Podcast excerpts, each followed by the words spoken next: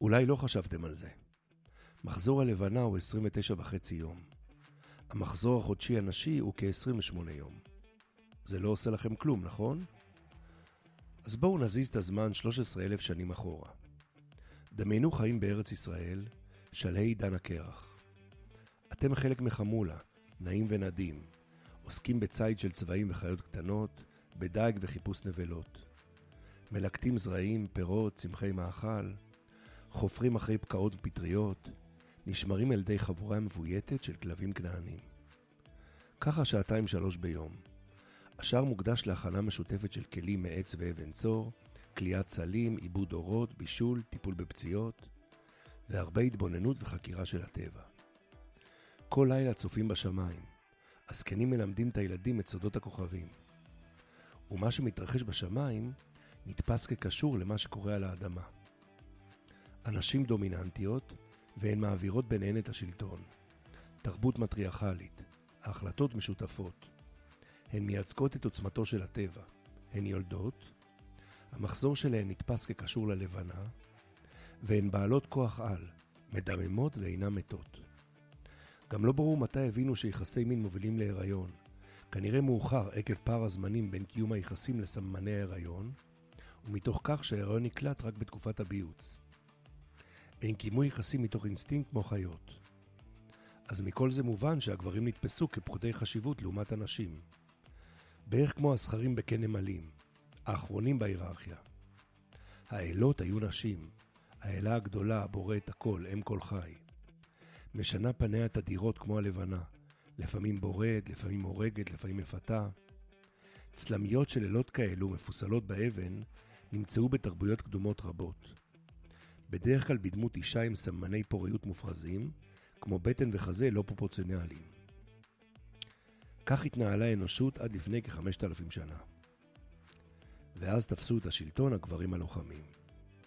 והם השתמשו בדת כדי למחוק כל שריד לתקופה הקדומה והכניסו את האלוהות הגברית.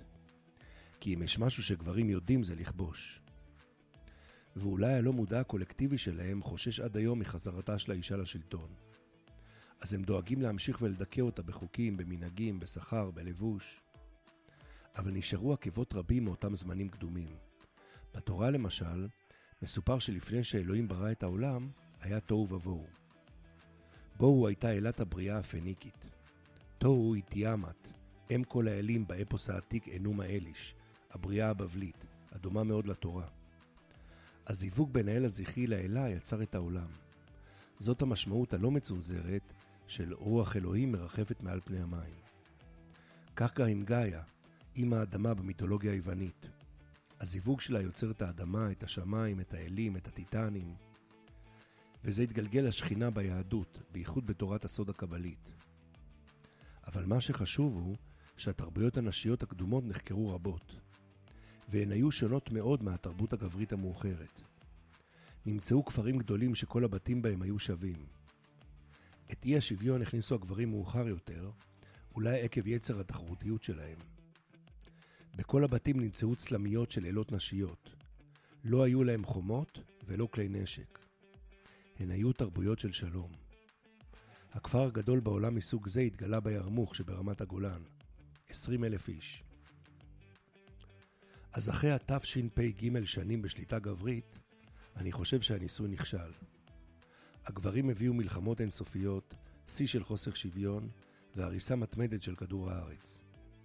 והם יצרו תרבות שלמה שמצדיקה את כל מעשיהם לכאורה, מדת ועד כלכלה.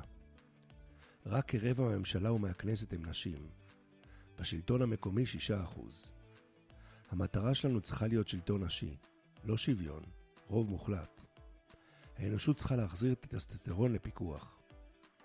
כבר הבנו לאן הגברים מסוגלים להוליך, והם מציעים לילדינו ולנו אופק עוד ערך. וזה בידיים שלנו. בדמוקרטיה, לכל אדם יש קול.